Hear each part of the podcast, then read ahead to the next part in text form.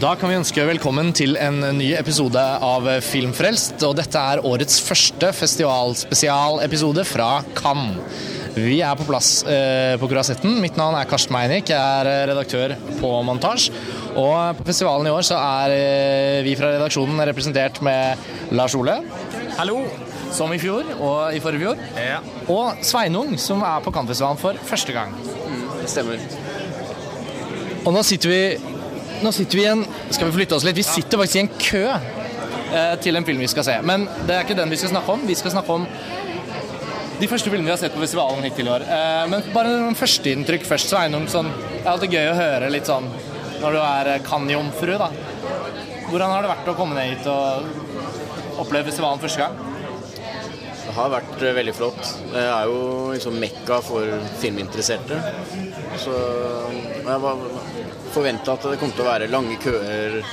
Eh, ikke all den glamouren kanskje bare, men også ja, mye venting og, og mye å sette seg inn i også. Det har det vært, men først og fremst utrolig stas å være her. Så, veldig gøy så langt. Ja. Og det er jo, jeg må jo bare kime inn og si at det er, det er jo dette med høytiden får man jo veldig sterk følelsen av. Altså, faste lyttere har jo hørt oss nå på podkaster fra i fjor og tidligere år, og selvfølgelig har vi sikkert vært inne på dette emnet før. Men det er jo noe med at Og i dag er det jo 17. mai, til og med. Altså, sånn, apropos høytid. Det føles som vi er i filmens mekka, og allerede er det jo mange filmer vi har fått sett og diskutert og alt dette. Så det er deilig å være i gang med med Filmfrelst fra Cannes. Ja, det er på høy tid. Nå har vi jo faktisk sett noen filmer allerede. Og nå skal vi skrive litt sånn kort, korte festivalartikler, som vi pleier å gjøre om.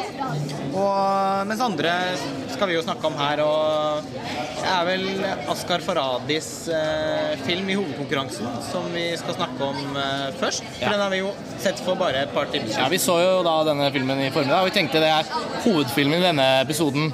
Dessverre var ikke Sveinung oppe og så den, så da er det først vi to som snakker om den, og så kommer vi inn på litt flere filmer etter hvert. Eh, og Askar Farhadi han var jo i Berlin for noen år siden med Nader og Simin, 'Et brudd'. En film jeg likte ekstremt godt. Faktisk min favorittfilm det året. Og Han vant jo Gullbjørnen og han vant Oscar for beste fremmedspråklige film. Og selv om mange hadde sett About Ellie og de tidligere filmene hans, han var på en måte på radaren blant iranske regissører, så ble jo Nadro Simin det ultimate gjennombruddet. Og nå han har laget sin første franskspråklige film. Den heter Le Passé. Hvis den får en norsk tittel og norsk distribusjon, så blir det kanskje Fortiden. Eh, så hypen var jo litt sånn på Vil Farhadi holde nivå og levere da vi gikk og så den i formiddag. Ja. Eh, tja, er vel eh, mitt eh, svar på det nå. Jeg likte jo også Nader Simin eh, veldig, veldig godt. Ikke på langt nær så på det nivået som du verdsetter den, men jeg syns det er en kjempegod Kjempegod film på alle måter. Ingen, hadde, hadde den også på topp 10-listen min det året. Riktignok på tiendeplass, da. Men eh, den eh, min, altså jeg, jeg kan si at forventningene mine til denne, eh, denne filmen her, da, eh, var jo på en måte at eh, sånn bunnsolid drama med engasjerende rollefigurer, kjempegode skuespillere, god dialog. Og ut ifra Man kan jo si at det er sånn relativt edruelige forventninger, egentlig.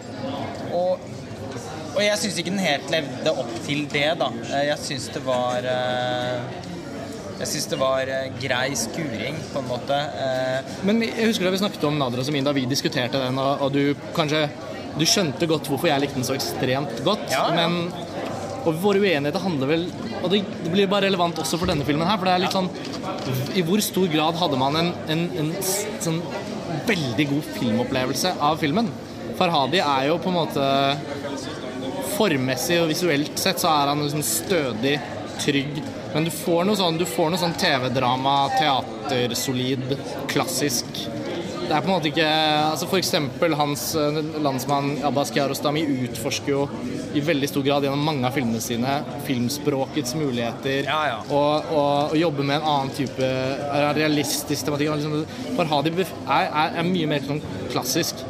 Og jeg syns Nader Simin var var ekstremt bra på det, og så hadde den det ekstra nivået. Den hadde dette mysteriet som lå i plottet, Ja. eh, og en litt sånn rettssakstriller blandet med samlivsdrama. altså, den var litt sånn, nesten litt sånn Sidney Lumet-aktig i Ja. sin veldig sånn Veldig renskåren, eh, og kanskje liksom ikke sånn nødvendigvis enormt spennende som en filmskapning, men som dramatikk Nettopp, ja. eh, så var det Jeg jeg tenkte sånn, Denne teksten er jo et dritbra teaterstykke, på en måte. Ja. Eh, og så syns jeg også det var en veldig bra film. Og så har vi sett da Le Passé i dag, og, og jeg syns jo ikke den er på nivå med Nadros i min Nei, Eh.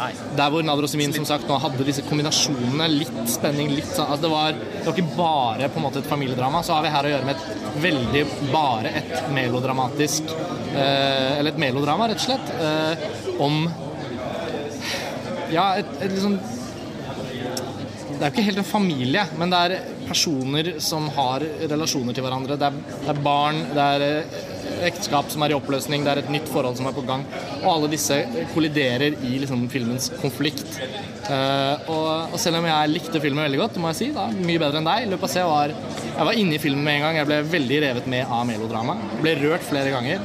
Jeg syns det var en veldig god filmopplevelse. Men den var ikke like god som Nadros og min, og da liksom er diskusjonen hva hva er det med Le Passé som gjør den til en litt mindre film? da? Ja, eh, og jeg vet ikke Kanskje langt mindre for deg? Eller? Ja, ja det vil jeg, jeg vil nok si det. Eh, Jeg syns nok at eh, når du har et så ordinært utgangspunkt, som filmen er liksom støpt i en form som er veldig velkjent Skulle vi kort ta bare historien uten Ja. spoiler? men bare sånn, det er Gjør det gjerne, du. Altså, det er en, en iransk mann eh, som kommer til Paris. Eh, der møter han sin tidligere Eller de er separert, eh, og hun har overtalt han til å komme til Paris for å gjennomføre en skilsmisse. Rent sånn praktisk. Og så kommer, kommer de til hennes hjem, hvor hun, det viser seg hun lever med en ny kjæreste som hun ønsker at skal bli hennes mann. Og hun har to barn fra et tidligere ekteskap, så det er ikke hans barn. Så det er liksom fra en mann før han igjen. Og så er det sønnen til denne nye kjæresten. Så det er liksom tre barn. Eh, liksom stesøsken, hus. Det pusses opp, noen skal flytte inn, det skal være noe skilsmisse. Altså, det er veldig mange sånne ting som etableres tidlig. Og så handler filmen om ting som ligger i fortiden, bokstavelig talt. Som forårsaker eh, løgner og sannheter til å bli vekket til live og diskutert. Og, ja. Og det er en som ligger i koma, og Ja. som kanskje skal våkne opp, eller kanskje ikke. Det er, eh, det er noen ganske Vi snakker er om et ikke, det er jo ikke nybrottsarbeid rent sånn historiefortellermessig. Nei. Altså, vi snakker et ganske veldig klassisk melodrama eh, på grensen, men også på noen sånne ting som er helt sånn på grensen til litt sånn såpeaktige ting, eh, som jeg kan like veldig godt. Ja, det er ikke så er sagt. nødvendigvis en kritikk. Nei, det er ikke et negativt ladet ord for meg. Eh, bare sånn dette med at en, ligger en, en person ligger i koma, det er sånn, det er sånn telenovela-element, da, som Og, eh, ja, nei, jeg skal ikke avsløre, men Nei, pass på men- å ikke spoile. Nei, nei, nei. Det er ikke sånn. Ja, nei, men uansett. Poenget er vel bare at det er alle disse elementene eh, som inngår i, det i denne Og det føles såpass familiært, og man har sett det veldig mange ganger før. Og man har da også sett det mye mer eksepsjonelt gjort før. Og det er nok min hovedinnvending mot filmen. At hvis du skal gjøre noe så ordinært, så må du tilføye det noe. Og du må i hvert fall gjøre det ekstraordinært eh, i utførelsen. Og det går på, går på både eh, liksom vendingene i historien, manuset, rollefigurene. Eh, da må du lage virkelig uforglemmelige rollefigurer. Eh, fantastiske skuespillerprestasjoner. Altså, det er litt sånn Susanne, altså, Askar Faradi goes Susanne Bier. Som minner litt om hennes film 'Brødre'. Den minner faktisk også, selv om dette kan høres veldig merkelig ut, litt om TV-serien 'Homeland'. Liksom, altså, hvor merkelig den måtte høres ut. Eh, den, den har en sånn Og den den klarer liksom ikke helt å måle muskler med de eh, med, med ganske nylige eksempler fra, fra, fra samme type sjanger, da. Som, som eh, for meg er eh, langt mye mer uforglemmelig. Jeg syns dette her var en sånn film man ser, og så er den helt ok. Jeg tror, kan aldri forestille meg at det er noe jeg oppsøker igjen eller finner noe. Jeg syns ikke det var noe jeg, det jeg tror jeg spår et liksom magert etterliv for akkurat den filmen. Jeg, jeg likte den jo langt bedre enn deg, og det, Ja, ja, ja. og det, ordet, det ordet med familiært syns jeg er interessant når du nevner det. Altså, sånn, det, er, det, er, uoriginalt, på en måte. Det er, det er, det er, trygg grunn og alt det der. Nei, fordi det Familiært kan bety 'dette har jeg sett før jeg kjeder meg'. Familiært kan også bety 'dette kjenner jeg meg igjen i'. Dette, dette gir minner fra eget liv. Dette er, dette, det, denne konflikten kan jeg identifisere meg med, altså blir dramaet engasjerende. Ja. Og jeg syns skuespillerne var veldig bra. Nei, de var ikke fantastiske. Altså, det, var ikke, det var ikke noen sånn gjennomtrengende god skuespillerprestasjon, men det var heller ingen som var dårlige. Nei, nei, nei. Altså, det var sånn jevnt veldig bra skuespill. Det er helt, det var, det er jeg helt enig i. Bare så ja, og i løpet av to minutter så var jeg inne i historien, inne i dramaet. Og jeg syns det var um, Det er en film som jeg tror de som opplever filmens familiære fortelling som noe involverende og e- interessant og gjenkjennelig, så er det en av de mer solide av denne typen melodramaer. Altså Formmessig så gjør han ikke sånne kvalmende melodramatiske grep. Ikke noe bruk av musikk. Altså Det er veldig neddempet måte å befinne seg i melodramasjangeren på. Eh, Og da tror jeg mange vil oppleve den som langt sterkere enn andre i den sjangeren. Men det er veldig sånn, litt sånn smak bak. hvordan kom man inn i opplevelsen og sånn. Ja, for fordi det tror jeg er smakbak. Jeg har ofte sans for at, eh, at uh, filmskapere som velger å jobbe med melodrama som sjanger, eh, omfavner sjangeren litt, da. Eh, og er litt sånn ærlige rundt, eh, rundt det også. Ja. Eh, jeg syns jo kanskje han har en litt sånn tilnærming som jeg hadde Altså På samme måte som jeg hadde, litt, som jeg hadde problemer med uten sammenligning for øvrig. Sara Johnsens film 'Upperdog', da. Eh, som har masse sånn melodramatisk potensial, eh, men som forsøker å gjøre det så subtilt som mulig. Eh, nå syns jeg ikke det var et nødvendigvis et problem for denne filmen. Nei, men den slet hvert ikke med subtilitet Nei, overdose. nei det, det, det, det gjorde den ikke. Men eh, den kunne godt ha vært litt løsere i snippen, eh, syns jeg. Eh, eller kanskje mer konsekvent i sin melodramatiske tone. Den er litt lang også. Eh, litt sånn Eh, Der er vi også for så vidt enige. Jeg tenker den er akkurat ti minutter for mye. Nader Semin' var en film for meg som ikke hadde ett bilde eller én scene for mye. Den var liksom kompakt og presis og på alle mulige måter bare litt mesterlig. Det var liksom mesterlig bra innenfor det. Så var den på en måte, ja, så strakk den seg ikke etter de liksom, som du har innvendet. Altså, den, hadde, den var veldig ordinær også, liksom, innenfor det. Men, råbra innenfor det. Den er like bra som, som eh, ja, altså sånn, ja, jeg trakk inn Sidney Lumet i Ja, jeg, jeg syns den sammenligningen er god, i hvert fall ut fra sånn hva er det man sikter mot, og hva får man til innenfor det. Og så er vi nok enige om at Le Passé er akkurat litt slapp. Altså, ikke, altså, føles ikke som en slapp film, men det er akkurat sånn at den, den kunne vært spisset til enda litt. Ganske mye, Jo, men ti minutter er enda litt. Det er filmer her eh, som vi kan komme inn på senere som kanskje burde vært klippet ned med 45-50 minutter. Det er til og med filmer som burde vært klippet helt bort. Ja, eller bare ikke eksistert. Men det, men det er flott. Det skal gå litt sånn opp og ned.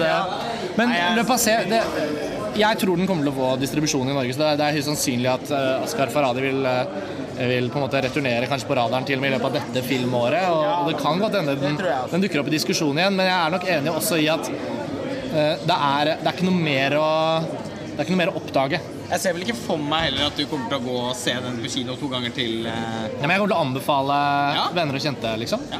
Og den å, hvis, den går, hvis den kjøpes inn til Norge, så ser jeg for meg at den er en veldig sånn solid eh, Gimle-programmering. Ja, ja. Eh, Det tror jeg. eh, og jeg tenker sånn Hvis vi, hvis vi skal holde det litt sånn kort som festivalpodkasten er, da, så, så byr jeg på en slags oppsummering som jeg dessverre er litt sånn drepende for filmen, men jeg mener det også litt i beste hensikt.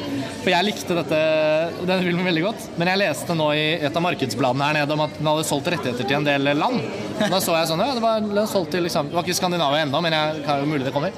Og så helt på slutten så var det et selskap som Jeg husker ikke navnet på selskapet. Eh, la oss kalle det liksom Volt Films, da. Volt Films has acquired the rights for airplanes. Eh, og da slo det meg Ja, Le Passé, det var en perfekt flyfilm.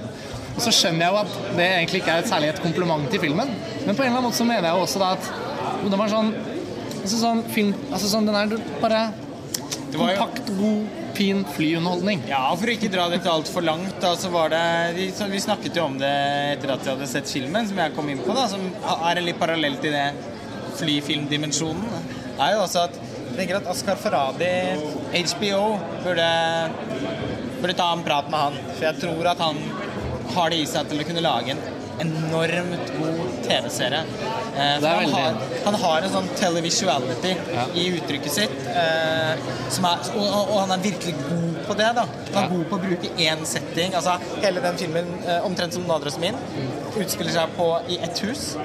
Eh, og den, denne location på en måte her er ikke like ladet som leiligheten i Nadras min, eh, men, men han bruker det veldig elegant. Og man ser liksom for seg hvor godt han kunne trives med det lille liksom, rommet han hadde fått å bygge opp karakterer. Til å være, ha litt sånn melodramatiske, eh, såpeaktige hooks igjen Ja, Det er et bedre kompliment til filmen enn min sånn flyfilmdefinisjon. Jeg, er veldig- jeg er veldig enig med deg. Nå er ikke jeg en sånn TV-serie-junkie, ser ikke så mange av dem og sånn, men, men jeg, ser, jeg, ser, jeg ser akkurat hva du mener. Ja. Og det begås jo veldig mye høykvalitetsdramatikk i den sjangeren. Ja, og det er det han er så god Det på. er hans beste. Altså, Askar Varali beviser jo, særlig min adresse min men også her, at han er veldig god, sånn stødig forfatter av dramatikk. Ja. Han har nå valgt seg spillefilmformatet. Jeg syns det er helt ålreit. Jeg ville ikke orket ti episoder av dette. på en måte.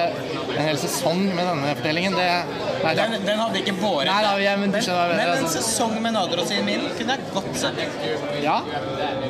At de liksom får en Altså, det er et nytt ekteskap Altså, de gifter seg med en ny til hver episode, da. Ja, Altså. nei, litt sånn intriguement at det begynner på meg. Nei, men altså, bare se, se hvordan den rettssaken kunne vært, liksom. Det er ikke det, Den syns jeg er på en måte perfekt som den er, men jeg ser for meg at han vil kunne trives godt med et eh, litt lengre Ja, format. nei, der er jeg ikke uenig. Så det var uh, Le Passé i, altså, i hovedkonkurransen. Den, den, man kan ikke utelukke at den, den Den er ikke urelevant for priser. Eh, det mener jeg litt fordi juryen også er ledes av Steven Spielberg. Og det er noe sånn far-sønn Det er noe Jo, men jeg sier ikke Men Ja, ja. av det vi har sett til nå, så tenker jeg den er Den er iallfall en kandidat. Da. Så får vi se hvordan det går. Uh, Ja, ja. Noen gullpalme ville vært Nei, nei. rystende, syns Nei, men det, jeg. er, det, det, det tror jeg ikke. Den, er, den har ikke det ved seg. Uh, men men det er ikke umulig at den får noe beste manus, f.eks. Ja, nei, det Som er litt sånn støttepris i Cannes. Det er ikke særlig Når du vinner beste manus, så er det liksom Du er den, den filmen nederst på listen som får en pris. Ja, det er den som folk glemmer. Hvilken var det som vant prisen for beste manus? Det, det er, nei, det er sånn Fatih Akins, den andre siden, vant prisen for beste manus. Jævlig velfortjent pris. Jeg elsker jo den filmen litt, men det var, det var en bra pris for den. Ja. ja. Um, men ja, så det var Le Passé. Det var vel samme år som fire måneder, tre uker og to dager. Det var- også. det var faktisk det året vi snakket om. Ja, det har vi snakket om 2007. Et sykt bra år på Ja, hvis man går tilbake og ser hva som var i konkurransen da. Ja. Zodiac, No Country for Old Men, Tykkelklokken og Sommerfuglen, Paranoid Park. Det- Um, ja. ja. Ja, Sveinung, da har du hørt oss diskutere Le Passé. Du får være liksom slags sånn hva, hva, hva fikk du lyst til å se den? Må innrømme at jeg ikke satte den så veldig høyt på prioriteringslista etter det her. Selv om jeg også likte Nader og Simen veldig godt. Men å høre at eh, dere begge da syns at den er ett av kne eh, Ut fra hva dere forteller her, så var det ikke noe sånn umiddelbar appell. Da. Men jeg, jeg har lyst til å se den. Men ja. Vanskelig å kanskje prioritere her nede, nå som du allerede har byttet den ut med den filmen vi sitter i kø til nå. Ja. Men, men, men du prioriterte jo rett og slett en annen film i formiddag. Ja, jeg gjorde det. Eh, kan ikke du, for, den har jo ikke vi sett. Du er den eneste som har sett den. Fortell. Ja, det var en sånn, sånn wildcard. Eh, Første filmen for meg på festivalen hvor jeg bare tok en sjanse. Jeg, jeg, jeg leste litt om den på forhånd, men eh, det var litt sånn sjansespill. Eh, regissøren M. Blash har laget eh, en film som heter The Wait, med stort sett ukjente skuespillere, bortsett fra Chloe Sevigny og eh, ja, noen andre litt sånn hal halvkjente som er med. En sånn veldig typisk amerikansk indiefilm med en artist som heter Owen Pallet, som har lagd soundtracket. Eh, det var veldig positivt for meg. Han eh, liker de albumene han har gitt ut veldig godt.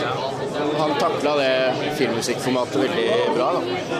Eh, filmen handler egentlig om to søstre som bor sammen i en slags hytte i, ute i skogen, men det er en del andre hytter og sånne feriehus der. Og så er moren deres død. Hele filmen starter med det.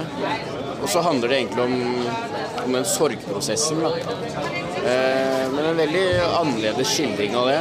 Litt sånn innslag av surrealisme og ja, mye, mye sånn hopp mellom drøm og virkelighet. Og, ja, den var, den var ganske unik, det må jeg si. Mm. For den ble jo vist i, i markedet. Eh, ved siden av alle de offisielle programmene her, så eksisterer det jo liksom en, en verden av filmvisninger av alle mulige kategorier i liksom filmmarkedet. Men, men hvis du skulle sett på den liksom som en festivalfilm, hvor ville du liksom plassert det i forhold til andre ting vi har sett her nede? Sånn, vi, kan, komme litt inn på meksikanske heli da, fra hovedkonkurransen, f.eks.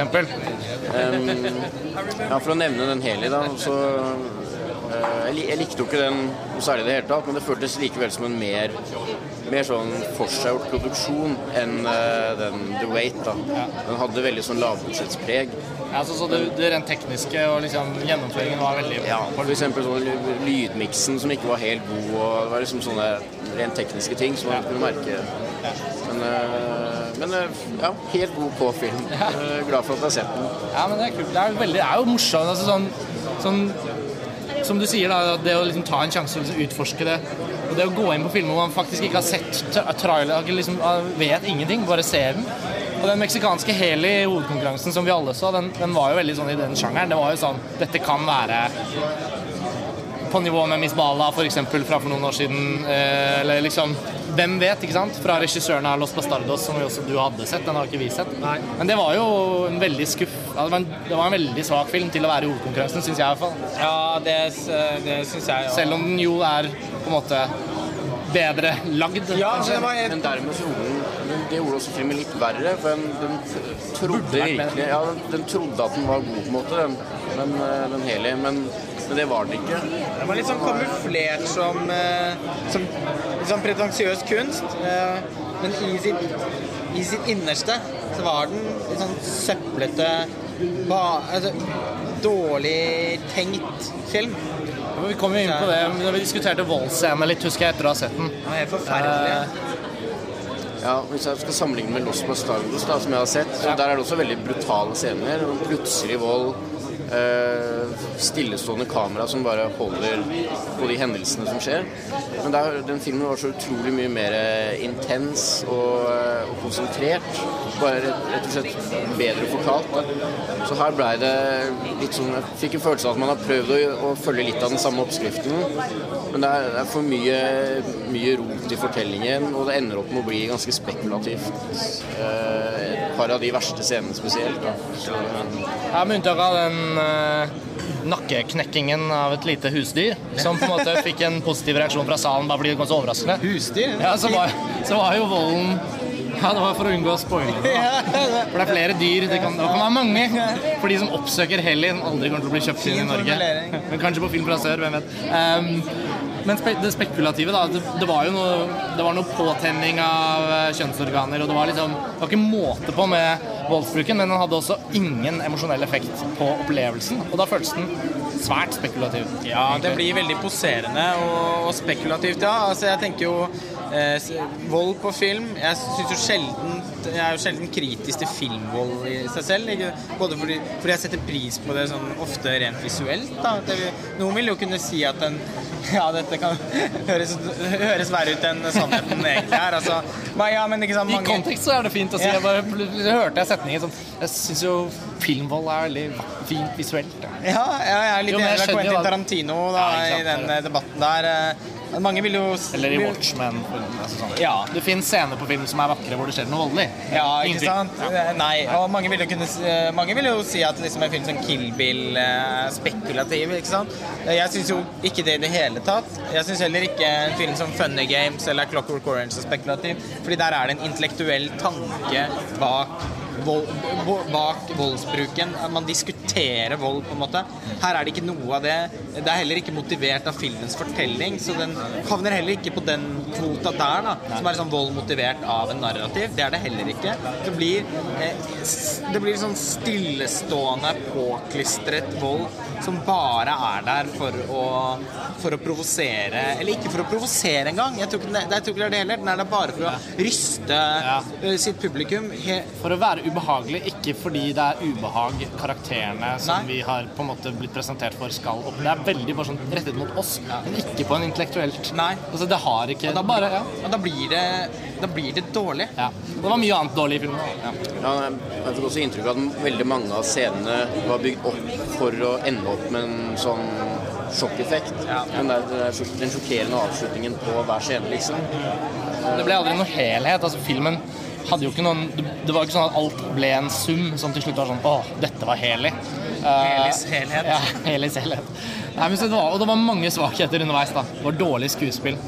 Var, sånn, Ja, det var det var dårlig tenkt. Altså, det var sekvenser som var komplisert gjort, men som ikke ga noen rik effekt. Litt kjedelig visuelt sammenligna med ja. disse andre litt sånn brutale meksikanske filmene. Los Bastardos. Og hvis man er ute etter den tematiske verdien, altså se en fortelling fra Mexicos eh, brutale voldsspiral som det landet er inne i nå, så er det jo for det første helt vanvittig mye bedre portrettert og skildret i Miss Bala, som eh, vi jo så her for to år siden, og som eh, mange i Norge Altså Den har jo fått mange fans i Norge, rett og slett. En film folk er glad i og sånn.